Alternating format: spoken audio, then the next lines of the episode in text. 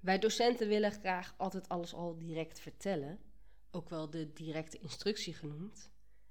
Maar dat betekent ook dat je veel tijd kwijt bent aan lesvoorbereidingen. En dat is op bepaalde piekmomenten nou net niet handig.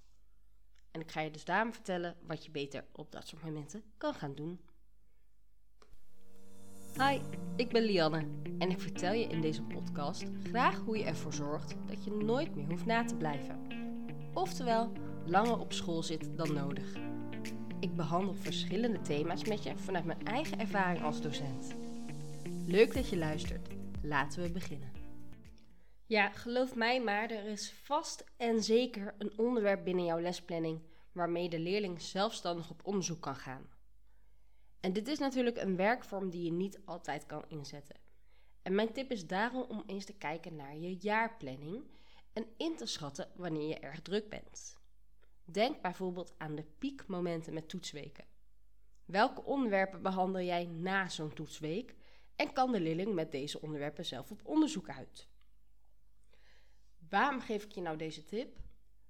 Zodra jij een berg nakijkwerk hebt, moet je dus ergens je prioriteiten met je andere taken laten varen.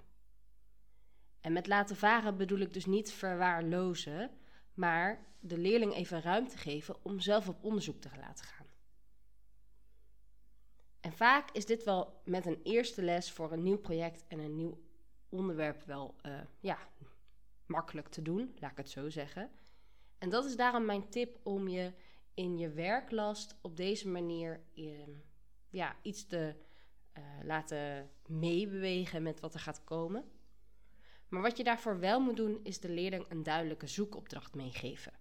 Door bijvoorbeeld een duidelijke vraag te, vraag te stellen vanuit het leerdoel. Bij het kunstvak zou het bijvoorbeeld over een kunststroming kunnen gaan. En dat leerlingen hier de kenmerken van moeten zoeken in tekst en beeld.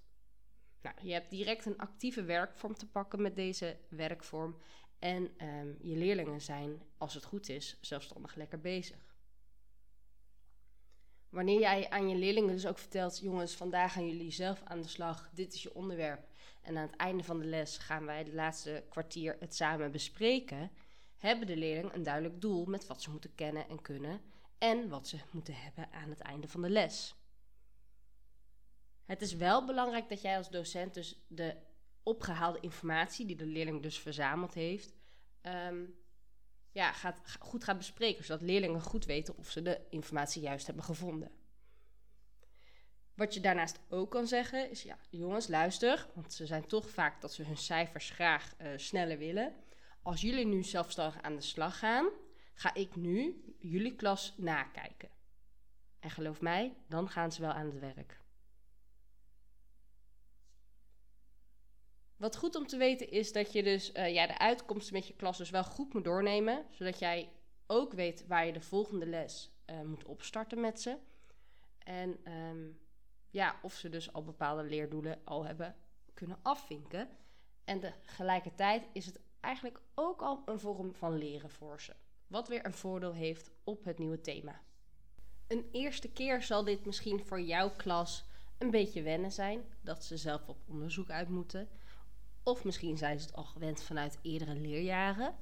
Maar geloof mij, als je dit na elke toetsweek gaat doen, heb jij al die actieve werkvorm klaarstaan. Moet je alleen je onderwerp veranderen.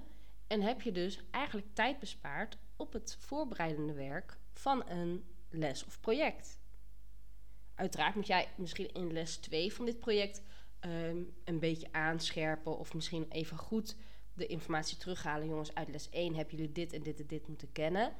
Um, herinner je dat nog? Heb je dat gevonden? Ja, goed zo. En ga zo maar door. Bla bla bla. Um, ja, dat klinkt nu misschien heel makkelijk. Maar geloof mij, wanneer leerlingen bepaalde werkvormen vaker gaan doen, beseffen ze ook waarom ze dat doen. En dan is het niet alleen maar meer het voordeel, oh, als wij nu zelf lekker aan de slag gaan, heb ik misschien aan het einde van de les mijn cijfer van mijn toetsweek. Gewoon uitproberen Kijken of het werkt voor jouw leerlingen, jouw doelgroep, jouw niveau en noem maar op. En als je denkt, ja, je, de kinderen, de leerlingen gaan van God los nu in mijn lokaal omdat ik nu geen orde hou, dan moet je dit natuurlijk ook niet doen. Is voor hun het nadeel dat ze pas over twee of drie weken hun cijfer krijgen.